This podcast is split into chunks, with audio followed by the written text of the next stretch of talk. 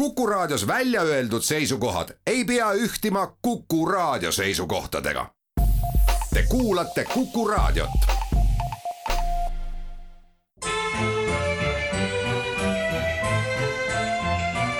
Memoria.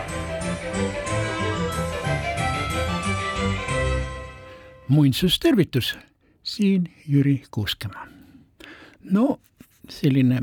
helilooja nagu Veljo Tormis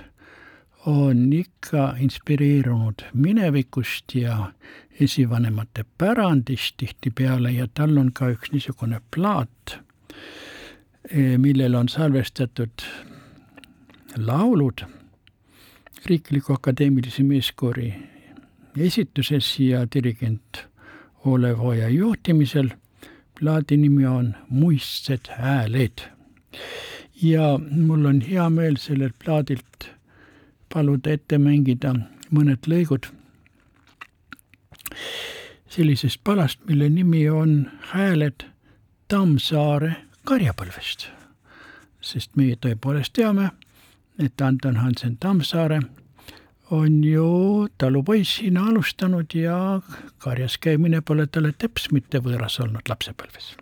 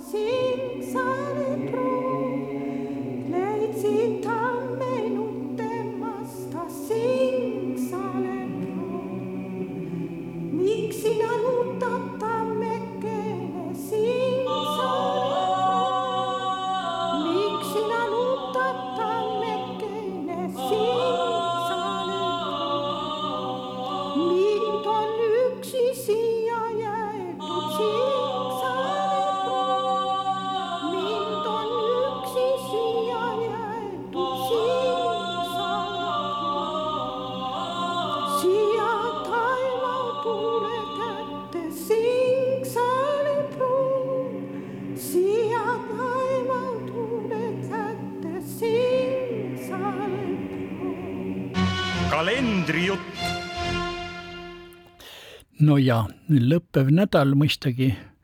jäi meelde kahe tähtpäeva läbi. esiteks muidugi esmaspäevane kirjanduse päev, mis lähtus Anton Hansan Tammsaare saja neljakümne viiendast sünniaastapäevast ja millest äh, on saanud nüüd riiklik tähtpäev, see on siis lipupäev, mil on põhjust mitte ainult Tammsaaret, vaid ka teisi Eesti kirjanikke meenutada ja olemasolevaid ka virgutada. ja sellega seoses toimus ju meie raamatukogudes ja kultuurimajades nii mõndagi ja samuti ka siis äh, Tammsaare muuseumis Vargamäel ja minule isiklikult meeldis veel üks ettevõtmine, mis toimus Haapsalus. nimelt äh, seal raamatukogus loeti järjest ette tema raamat Kuningal on külm algusest lõpuni ja see võttis tervenisti kaks tundi aega. no mitte ülemäära, aga siiski. ja ma, mul on häbi tunnistada, et mina seda külma kuningat ei ole veel lugenud, aga vististi jääb selleks veel aega, püüan oma harimatust täita ja parandada. aga jah, mis puutub nüüd teise tähtpäeva, siis loomulikult see on veel olulisem Eesti rahvale Tartu rahu aastapäev, eks ole, mil Venemaa tunnistas väidetavasti igavesti loobumist suveräänsete õigustest, mis on Venemaal on olnud Eesti riigi ja rahva üle igaveseks ajaks, kuigi seda lubadust ta ei pidanud juba nelja aasta pärast, üritati seda sinast võimupöördega detsembris Eestit taas liita Venemaaga, seekord Punase Venemaaga ja muidugi nagu me kardame, need katsed Eestit taas Venemaaga liita ja vist Venemaale allutada, pole vast tänapäevalgi lõppenud ja see tekitab meis nagu mm, Tartu rahu suhtes nagu teatud lootust kui pidepunkt ja teisalt see rahvusvaheline toetus, mis meil on tekkinud.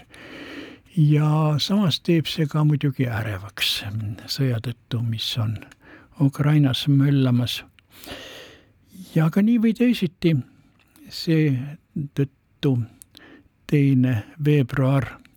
koputas vast kõigi meie südametele ja tekitas meis soovi, et rahu jääks püsima.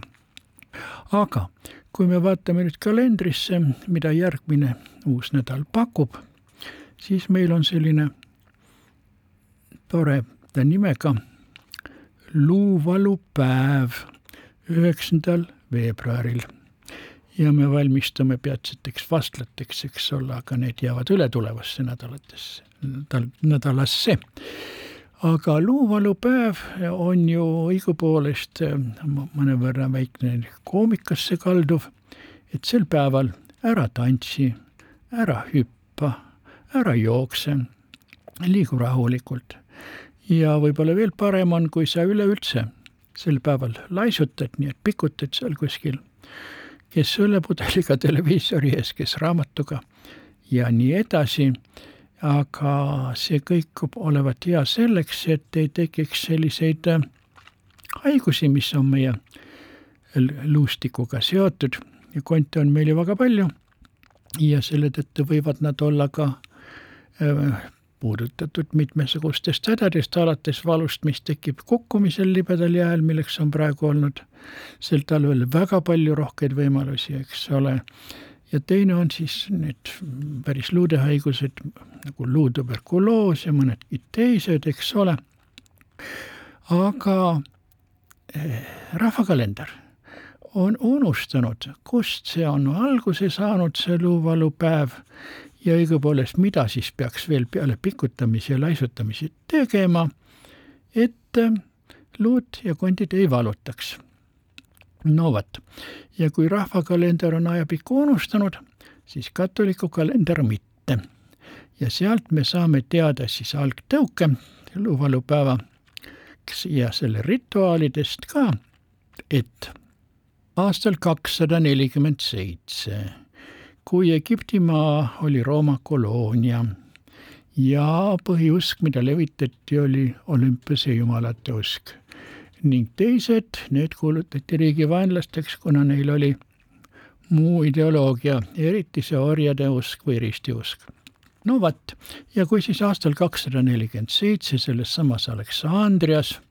kust on pärit ka Aleksandria Katariinaga üks populaarsemaid naispühakuid üle pea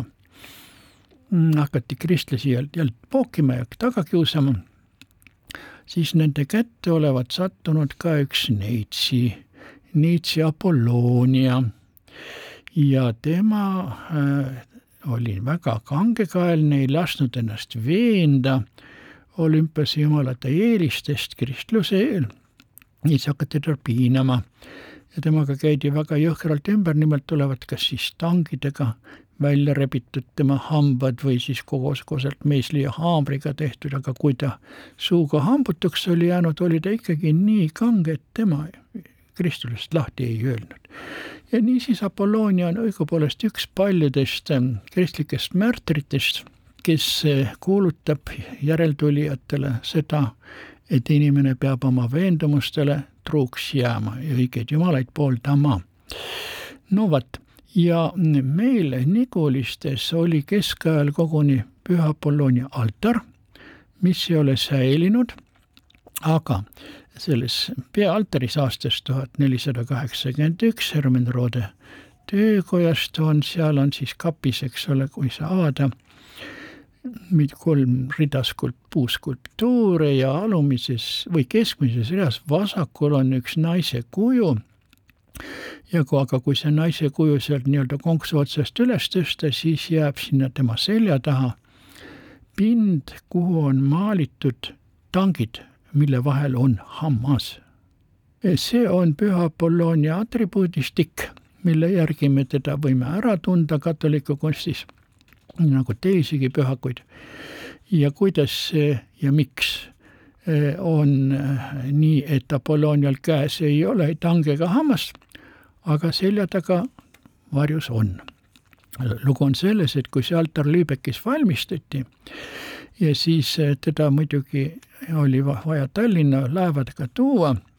ja et see hõlpsam oleks, siis pakiti sisse skulptuurid ja maalitud tiivad ja altari korpus, see keskosa eraldi, oleks kergem tõsta ja ohutum. ja siis selleks, et eh, sihtkohast Tallinnas saadakse aru,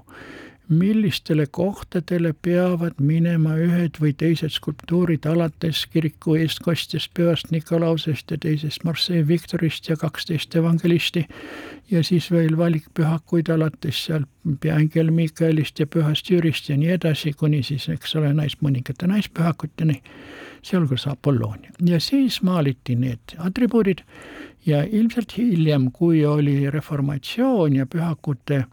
kultusest loobuti ja siia aga leiti, et see altar kui kunstiteos on ikkagi visuaalselt huvitav, et las siis olla üks rida neid kujusid, et äh, keda, keda nii-öelda vanasti austati ja need maalitahvlid ka. ja neid ei hävitatud. kuigi Nigulistest roogiti välja enamus tähendab gildidele ja tsunftidele kuulunud altarid, sealhulgas ka Püha Apollonia altar terviku aga see pealtari jäi ja siis kõrvaldati need atribuudid, ilmselt Apollonia kätest murti välja need tangid, mille vahel oli siis see hammas tema äratundmises, aga olgu meenutatud, et toonase niisuguse kombestiku järgi, mis katoliiklastel on muidugi säilinud tänini, kui inimesel on teatud häda, siis võib ta suhtuda pühakutesse nagu koduapteeki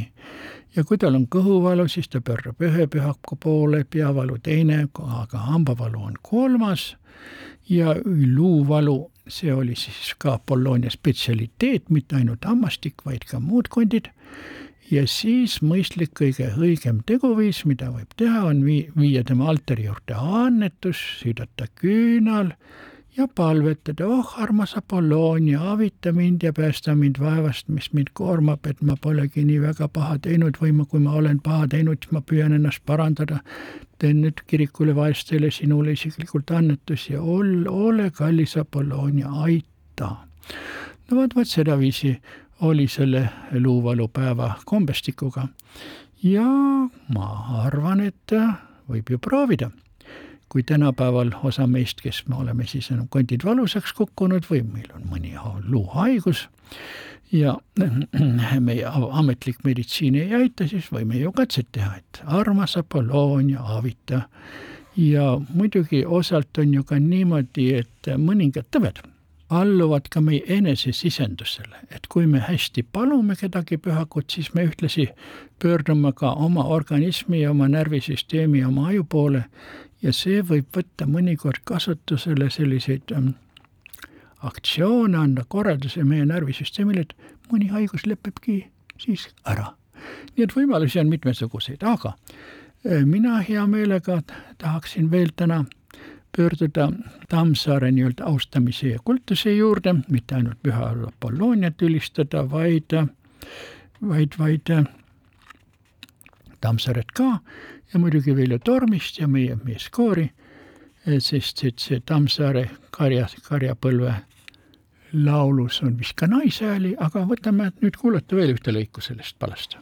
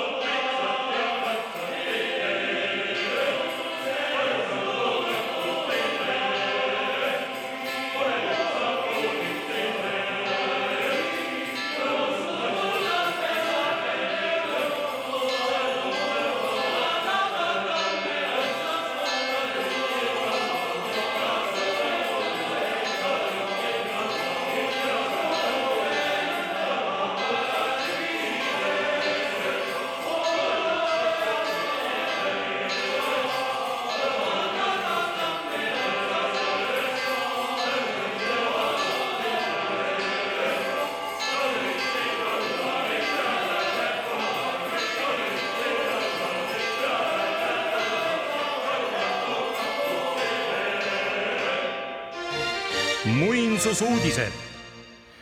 natukene arhitektuurist, aga hakatuseks Eestist kaugemalt. vaadake, UNESCO võttis äsja vastu otsuse mm, Ukraina kaitseks, millega kuulutati Odessa linn UNESCO maailmapärandilinnaks, nii nagu on ka meil Vana-Tallinn. ja samuti veel seitse arhitektuuriobjekti Kiievis, sealhulgas ka peakatedraal, millel on ju väga põline iga, mis on nagu praktiliselt vast esimesi kristliku kirikuid slaavi keeleruumis ja järk-järgult arendatud ja täiendatud ja nüüd ehitatud suuremaks ja uhkemaks. no vot, selle kõigega muidugi UNESCO ja vast tsiviliseeritud Euroopa loodab, et Venemaa säästab edaspidi neid objekte oma pommi ja raketirünnakutest, aga eks ta ikka minu meelest võrdlemisi kahtlane ole selle peale loota, sest et kui siiani on Venemaa teatanud, et Ukrainas rünnatakse sõjalisi objekte, aga tegelikkus on niisugune, nagu oli tuhande üheksasaja neljakümne neljanda aasta märtsis Tallinnaga, et kui oli see suur pommirünnak, milles viis tuhat hoonet, põhiliselt elumajad ja ärihooned, eks ole, purustati põlesid või hävisid või said viga, siis äh, teatas TASS, äh, Nõukogude Liidu telegraafiagentuur, et äh, Nõukogude lennuvägi pommitas Tallinnas sadamat, raudteejaama, sõjalisi ladusid aga ei olnud üldse mainitud, et põhiliselt rünnati ikkagi elu, elamuid ja elurajoone. no niisamuti paistab olevat ka ju praegune sõjakäik Venemaa poolt Ukrainas, et väga palju purustatakse just elumajasid, samuti ka koole ja haiglaid ja raamatukogusid ja mõned muuseumid ja teatrid on pihta saanud, nii et, et see on niisugune valimata hävituste, aga mine sa tea, vähemasti miinustena kirja panna, Venemaa sõjakuritegude hulka arvata, sellest peale nüüd saab nii hästi Odessa ründamist kui ka, kui ka mõningate eriti tähtsate kultuuriobjektide pommitamist e, Ukrainas. Nonii, see selleks. nüüd pean tunnistama, et Eestis on mul nüüd kaks arhitektuurilist nagu objekti, mis tekitavad minus mõlemad teatud ideelist segadust esimene neist on seotud sellega, et arhitektide liit hiljuti jagas preemiaid ja preemia anti ka mm, muusikapalletikooli hoonete projekteerijatele, nii kahele põhiarhitektile kui ka kuuele või seitsmele sisearhitektile, tõstes seda ehitist esile. kahtlemata on see ehitis kõige tähtsam kultuurirajatis, mis möödunud aastal nagu valmis sai Eestis, mitte ainult Tallinna kohta, ja selle tõttu väärib see, sellise asja tegemine igas, igati kiitust, sest seal paistab, et väga palju seal on ruumi, nii et, et äh, meie noorte, laste ja noorte harimine nii muusika kui tantsu osas on saanud kõvasti juurde tuult tiibadesse ja mis aitab tagada meie muusikakultuuri kõrget taset ja selle säilimist ka edaspidi. aga eh, kui mina vaatan oma silmadega seda mubahoonet, siis ma olen ikkagi üksjagu ehmunud, sest see on niisugune suur tuima vormiga must kast, eh, must plekk ja kollased triibud nende vahel ja sellist hoonet võiks nagu oodata mingisuguse sadama laohoonena kuskil Muugal või või, või, või mingisuguse vabrikuhoonena Lasnamäe tööstusrajoonis, aga mitte kesklinnas kultuuriobjektina. sest vaadake, selle välisarhitektuuri kõige suurem puudus on selles, et mitte mingil moel sa ei saa aru, et see on kool, et see on kunstikool mitte üks märk, ainult see, et peaukse kohal Pärnu maantee poole on valgmikus no ma ütleksin röögatult suurte tähtedega kiri, kiri Muba, muusikapalletikool ja need tähed on ülemäära suured, nii nagu on, ütleme, Selveritele hakatud tegema nii-öelda poolpimedate inimeste jaoks neid reklaamikirjasid. ja see hoone, no jah, kui linna poolt tulla, siis ta osalt varjutab ka kõrval olevat Luteri villat, meie õnnepaleed. ja on sellega peaaegu küljatsi kokku kasvatatud, ei ole enam hingamisruumi nende vahel ja selle tõttu mina olen nagu olnud üsna skeptiline selle sinase ehitise suhtes ja ei ole sellest sugugi vaimustatud ja ja leian, et see musta värvi kultus, must on ju küll koos valgega kõige soliidsem värvikombinatsioon, on siiski nagu masendamisarhitektuur ja mõjub morbiidselt, mitte meeli meeli kergitavalt ja, ja selle tõttu ma ar-, olen kahtlemas, kas need arhitektid väärisid seda preemiat või mitte. iseasi on võib-olla selle sisearhitektidega, sest et ma pean muidugi vabandama, et ma pean seda oma seisukohta selle muba suhtes veel täiendavalt kujundama visiidiga hoone sisemusse, milles olevat väga huvitav mitmetasandiline ruumistik ja siseõu mis äh, tõesti kõneleb andekusest ja, ja mõjub inspireerivalt noortele muusika- ja tantsuõppuritele. Ja veel omaette küsimus on see, et kuidas ennast õigustanud need heliisolatsioonikihid ja mitmekordsed uksed, et harjutusruumidest äh, see mm, helid ei segaks kõrvalruumides tegutsevaid, tegutsejaid ja samuti kui avalikes ruumides toimuvad ka teatud kontserdid, et siiski mujal oleks siis vaikne, saaks olla omaette, vot selles osas ma pean oma oma teadmisi täiendama, et kui püüda kujundada siis äh, nagu objektiivne seisukoht, aga no väga võimalik, et et ka minu meelest sisearhitektid vääriksid, väärisid preemiat, aga vaat ähm, nende üldarhitektuuri lahenduse puhul võib-olla oleks kohasem ka anda neile karuteene medal. aga see selleks. teine äh, arhitektuuriobjekt, mis viib, mind segadusse, on just äsja äh, post-, äh, Õhtulehes ilmunud kirjutis Kristjan Ma-, Raua maja on kokku kukkumas. vot sellega on ju niisugune lugu, et mis see oli siis tuhat üheksasada kakskümmend vist seitse või üheksa, kui Kristjan Raud ta joonistas teatud skitsid ja Herbert Johanson nende alusel tegi projekti ja Nõmmele ehitati maja, kuhu Kristjan Raud sai sisse kolida ja seal eh, oli temaga tema kaasa ja sündis tütar Helge, kellest sai Helge Pihelga hiljem. Ja muidugi Kristjan Raud ise ju suri tuhande üheksasaja neljakümne kolmandal aastal, aga maja jäi perekonnale, pärijatele kes seal elasid ja kuni tekkis idee, et Kristjan Raud on ikkagi meil nii tähtis kunstnik nagu rahvuslik esikunstnik mõnes mõttes, et peaks rajama sinna muuseumi ja nii toimis, toimitigi. ja mis see siis nüüd oli? see oli siis vist tuhat kaheksa, tuhat üheksasada seitsekümmend neli või veidi, veidi hiljem, kui sinna muuseum ravatigi, kusjuures tütar Helge Pihelga ja tütre tütar Krista Pihelga annetasid eh, siis selle muuseumi jaoks sada mm, Kristjan Raua tööd, kes joonistus ja visandeid ja kavandeid, nii edasi, ja ka muidugi osa siis mööblist ja muust sisse sellest, et seda muuseumi saaks pidada. ja see läks Eesti Kunstimuuseumi tiiva alla ja tegutses seal umbes veerand sajandit. kuid siis see on, kõlab paradoksaalselt, aga ma ütleksin, kui Nõukogude võim oleks säilinud, siis oleks see muuseum seal praegugi ja tegutseks. aga tuli uus Eesti aeg, tuli omandireform ning vististi Helge ja Krista Pihelga tegid selle, selle vea, et nad ei kinkinud seda mm, maja riigile, muuseumile, vaid küsisid seda omandireformi alusel omandiõigust tagasi ja said selle ja siis tekkis vägikaika vedamine nüüd muuseumi ja pärijate vahel, et kes siis selle hoone eest hoolitseb.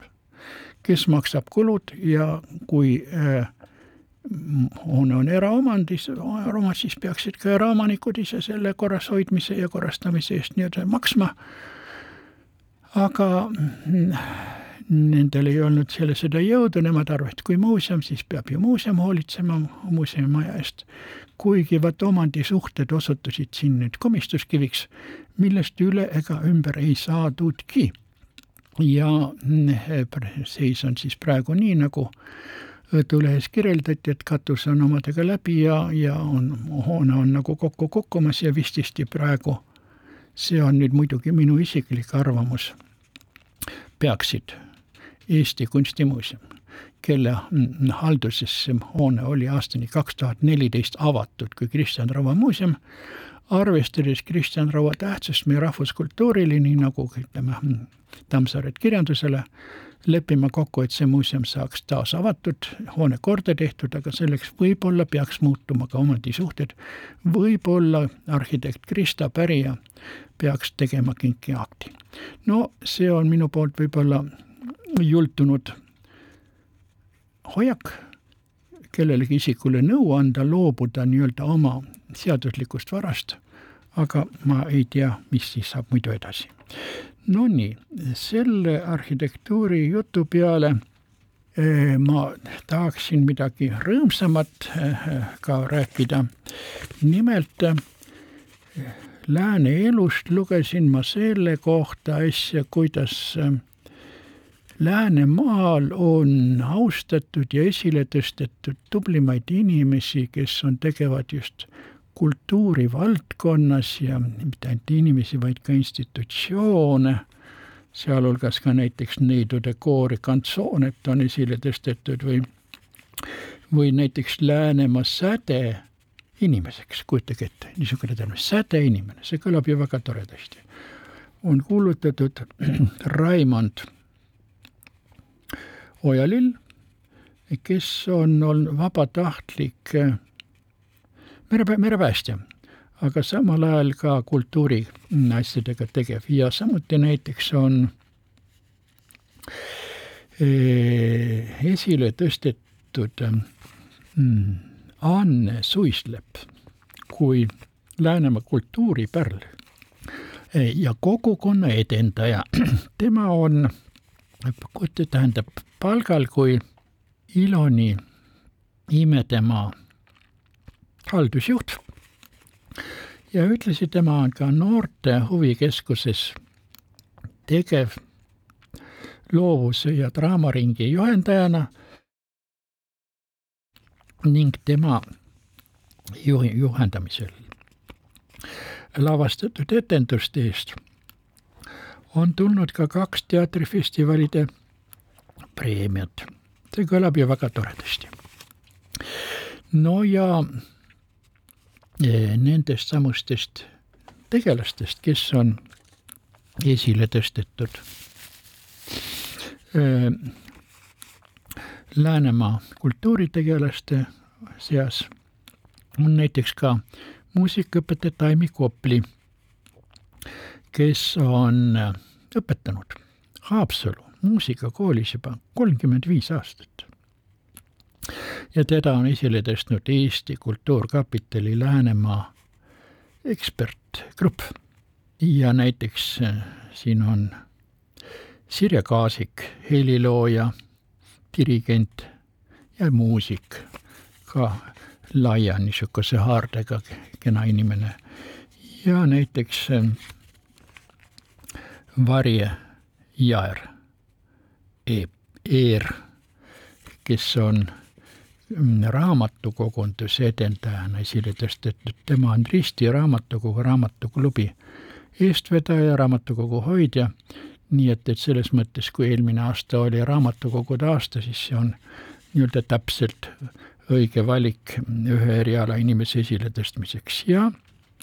neid tublisid inimesi on muidugi teisigi, näiteks Liia Lees on raamatu Lääne tantsi Lennatie, kus on ülevaade, et vanast tantsukultuurist sellel Läänemaal. nii et selles mõttes ka üks vajalik, vajalik nähtus. no ja siis on veel ka näiteks Vormsi kultuuripärandi koguja esile tõstetud ning mitmeid teisi nii et palju õnne siis tublidele ja muidugi mm, rääkides praegu Läänemaast, me võime arvestama, võime arvestada sellega, et ka mitmed teised maakonnad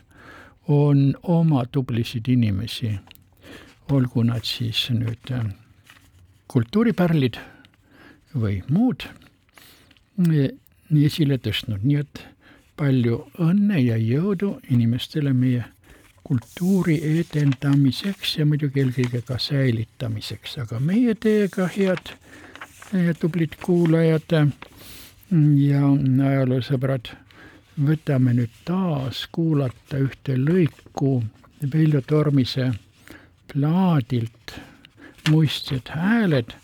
ja selle pala algus, mida me kuuleme järgmisena, on Muistse mere laulud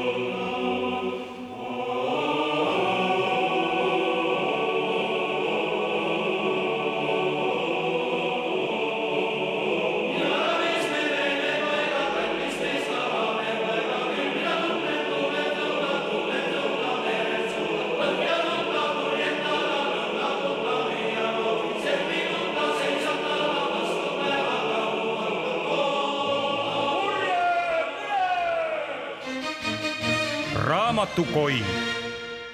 no võib-olla kõige üllatavamad lisandused minu kodusesse raamaturiiulisse on kaks norrakeelset raamatut, mm, mille annetas nende autor, naisajaloolane ja Eesti-Norra Sõprusühingu liige, kes üllataval kombel elabki Tallinnas, kuid eh, nende raamatute kõrval jõudis minule koju ka suur paks albumi formaadis teos, milles on kokku nelisada kolmkümmend üks lehekülge, neid väga palju, sealhulgas on siis nendel fotosid, nii mustvalgeid kui ka värvilisi,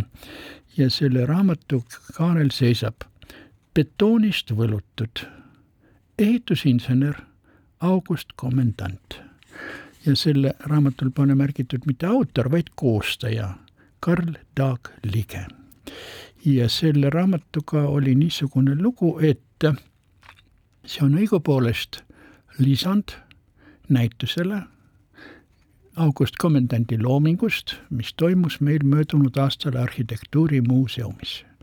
ja võiksin öelda, et see on kahtlemata üks kõige tõsisemaid ja toekamaid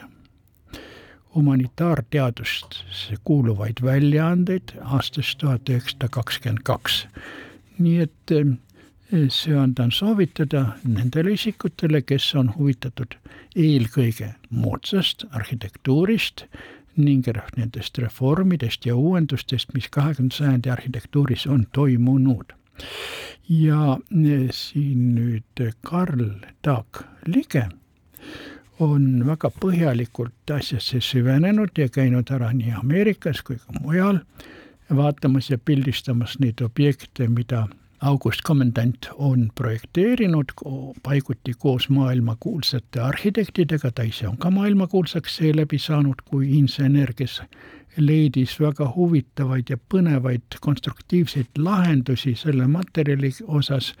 mida paljud peavad igavaks ja tuimaks, nagu see betoon on, eks ole, mis on küll alates Rooma ajast juba kasutuses. ja mm, selles raamatus on erinevad osad, muuhulgas on muidugi elulugu ja siis on seal ka esseed, mida, millest mõned on kirjutanud see August Kommandant ise arhitektuuriväljaannetele ja siis intervjuud, mida on tehtud temaga isiklikult ja need muidugi lõppesid ära aastal tuhat üheksasada üheksakümmend kaks, mil August Kommandant isiklikult suri, kuid näiteks Karl Taag on olnud nii usin, et ta on üles otsinud ka arhi-, selle inseneri tütre ja poja, nendega intervjuud teinud ja mitmete nimekate arhitektidega, kes seda komandanti hästi mäletavad, austavad ja hindavad, kuigi tema surmast on nüüdseks möödunud juba kolmkümmend aastat. ja selle raamatu nagu tõsisuse kohta olgu öeldud, et näiteks see peatükk või osa raamatust kus on August Kommandandi valitud tööd, on lehekülgedel sada üks kuni kolmsada nelikümmend viis. Kakssada viiskümmend lehekülge praktiliselt, see on ikka tõesti võimas.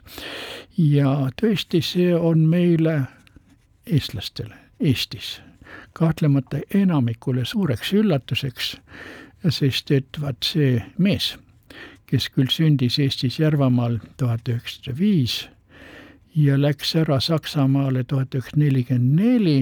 ja pärast seda pole jalgagi Eestimaale tõstnud ning esindas nii-öelda Nõukogude vaatevinklist mandunud läänelikku arhitektuurikultuuri,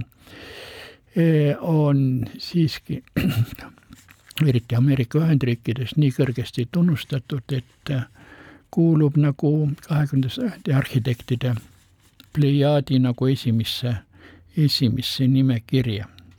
ja siin olgu öeldud, et kui ta õigupoolest, eks ole, lõpetas Dresdenis tuhande üheksasaja kolmekümne neljandal aastal tehnoloogiaülikooli ja sai inseneridiplomi, siis ta jõudis ühtegi teist ka Eestisse projekteerida, näiteks markantse mehitis on äh, Tallinnas Kadrioru staadioni tribüün mis on ka üpris moodne lahendus oma aja kohta, võib-olla moodsaim tollal, ja siis hiljem, eks ole, ta tegutses ähm, põgenenud Saksamaale nelikümmend neli koos, koos perekonnaga, naise, tütre ja pojaga, tegutses seal USA Euroopa väekoondise juures asunud äh, mm, tsiviilse insener-komandandini ja siis läks tuhande üheksasaja viiekümnendal aastal USA-sse edasi ja seal äh, sai, maandus ta New Yorgis ning tutvus ta Louis Kahniga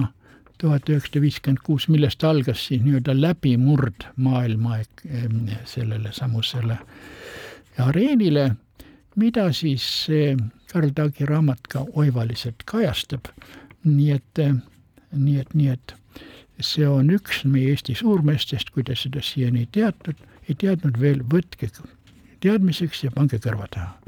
komandant suri tuhande üheksasaja üheksakümne teisel aastal New Jersey's. Aga tema pärand püsib. aga meie teiega läheme nüüd jälle üle eh, nii-öelda muinasmuusika juurde ja kuulame ühte pala, mille nimeks on Vepsa talv. Zin, zilli, zin, zin, zin, zin, zilli, zin, zin, zin, zin, zilli, zin, zin, zin, zin, balalaik ja balalaik,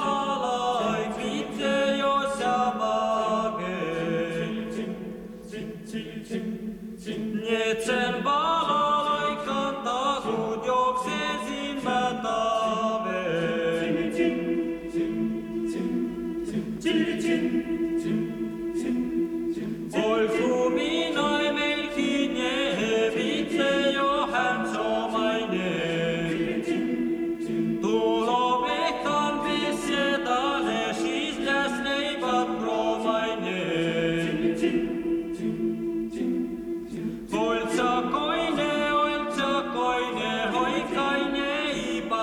Amen.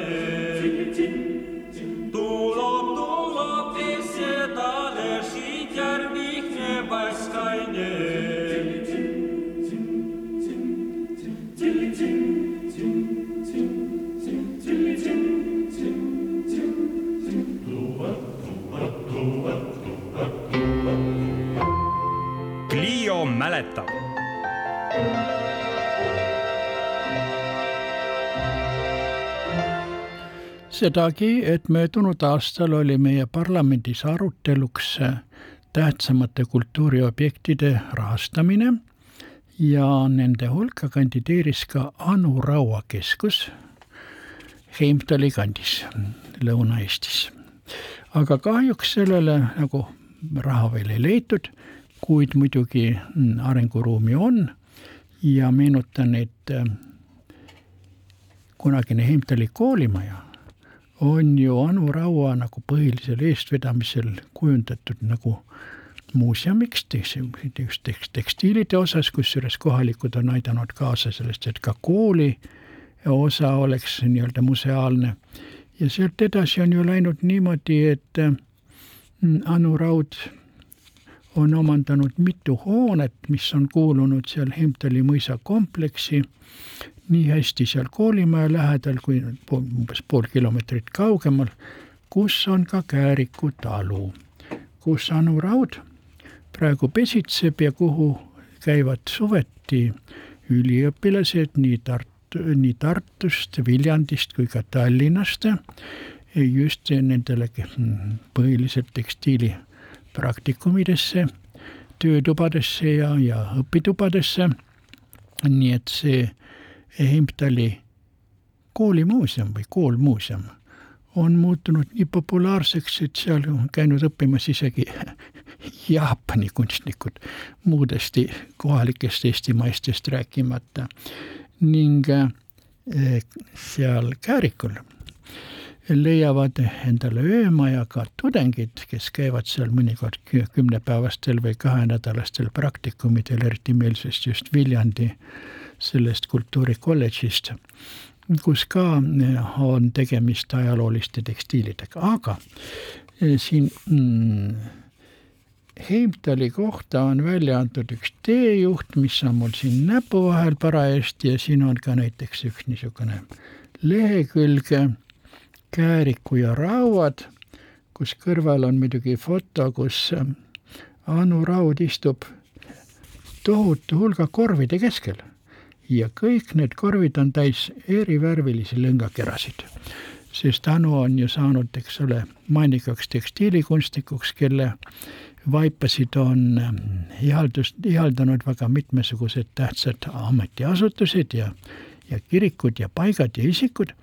nii et selles mõttes on ta praegu ikkagi hoolimata sellest, et ta on jõudnud ka antikvaarsse ikka, kaheksakümneseks saanud, ikkagi väga tegev ja, ja elurõõmus ja hakkamasaaja. aga siin on meenutatud seda, et selles MTL teejuhis, et, et, et, et see oli kunagi mitte talu seal Käärikul, vaid mõisatööliste kortermaja ehk ja selle tunnuseks on tänine asjaolu, et see pika hoone fassaadil on terve rida uksi, mis viisid eraldi väikestesse korteritesse, mis no praegusel ajal on see maja küll nagu ühes tükis ja nende kunagiste väikekorterite vahel on avatud liiklus ja seal on lugu niimoodi, et tuhande üheksasaja kahekümne kaheksandal aastal sai seal ümbritsenud kahekümne nelja hektari suuruse maatüki ja selle Kääriku hoone peremeheks Annus Raud, pange tähele, perekonnanimi Raud. ja nii läks see Raudade perekonna valdusesse ja talu läks hästi, sest kui see Annus Raud oli võtnud viiekümneaastase tähtajaga pangalaenu, vaadake, kui vägevaid laenu tookord võis võtta, praegu vist üle kahekümne ei anta, siis ta suutis selle juba ära maksta tuhande üheksasaja kolmekümne teisel aastal. ta ise ei olnud põline Heimtali asukas ja tema vanaisa on olnud Abjas mõisa sepp ning üheksateistkümnenda sajandi vältel on perekond sealt vaikselt pidi järjest rohkem põhja poole liikunud, elades küll taludes, küll veskis, kuid püsivalt, püsivat päris kohta soetamata. see-eest mm, Põlvnepa Annuse abikaasa Liisa just Heimtalist Särevite peremehe soost, mis on Heimtali küla see kasutanud nii, nii kaua, kui kirikuraamatud ulatuvad seda tõendama ja kelle järeltulijate hulgas on tuntud riigi ja kultuuritegelasi. no ja Annust ja Liisa kahest pojast suri üks Alfred noores eas, aga Martinist sai kirjanik Mart Raud, kes oli eh, sõja ajal, teise ilmasõja lok-, nii-öelda evakuatsioonis idas ja tuli tagasi, temast sai üsna niisugune edukas luuletaja, kes järgis Nõukogude võimu ideoloogilisi suuniseid, aga eks ta käitumiselt oli ikkagi küllaltki lahe ja siis seal mm, et kui tema koos naise ja tütrega suvitas seal Käärikul, siis leidis, leidsid sinna tee ka paljud kirjandusinimesed ja tekkis niisugune mõnus, mõnus õhkkond, mida on aastate läbi ka säilitatud ka, ka pärast selle Mart Raua surma, kui sinna jäid, asusid al alaliselt elama siis tema Mardi abikaasa Valda Raud, tõlkija ja väga kena inimene ja samuti siis tütar Anu, kes seal vahepeal isegi pidasid lambaid, keda siis nüüd tõsi küll, paari aasta eest need lambad loovutati ühele naabertalule, sest nende pidamine nõudis liiga palju rohkem, kui Anu võis seda endale lubada oma loominguliste aktsioonide ühiskondliku tegevuse kõrvalt. Aga mm, Anu oli juba tudengina äh, kogunud vanavara ja see huvi vanavara vastu, eriti just tekstiilid, kindad sokid, alates sellistest väikesematest ja tanud, oli tal siis juba just Heimtalist, sealt Käärikult hakanud verre pugema ja nii on ta suutnud kokku koguda aastate jooksul. Ikka tõeliselt suure kollektsiooni mis on nüüd praegu juba osaliselt välja pandud ka selles koolis asuvas muuseumis, aga e, meil jääb täna edu soovida Anu Rauale, et tema keskuse idee saaks teoks, veel üks tore kultuurikolle võiks meil olla, ja ühtlasi valmistugem siis vastlapäevaks, mis on järgmisel nädalal kätte jõudmas, aga tähendab, mitte nüüd sellel nädalal, vaid ülejärgmisel. nii et head äraolemist, kenad kuulajad kaitse kaunainen Jumala.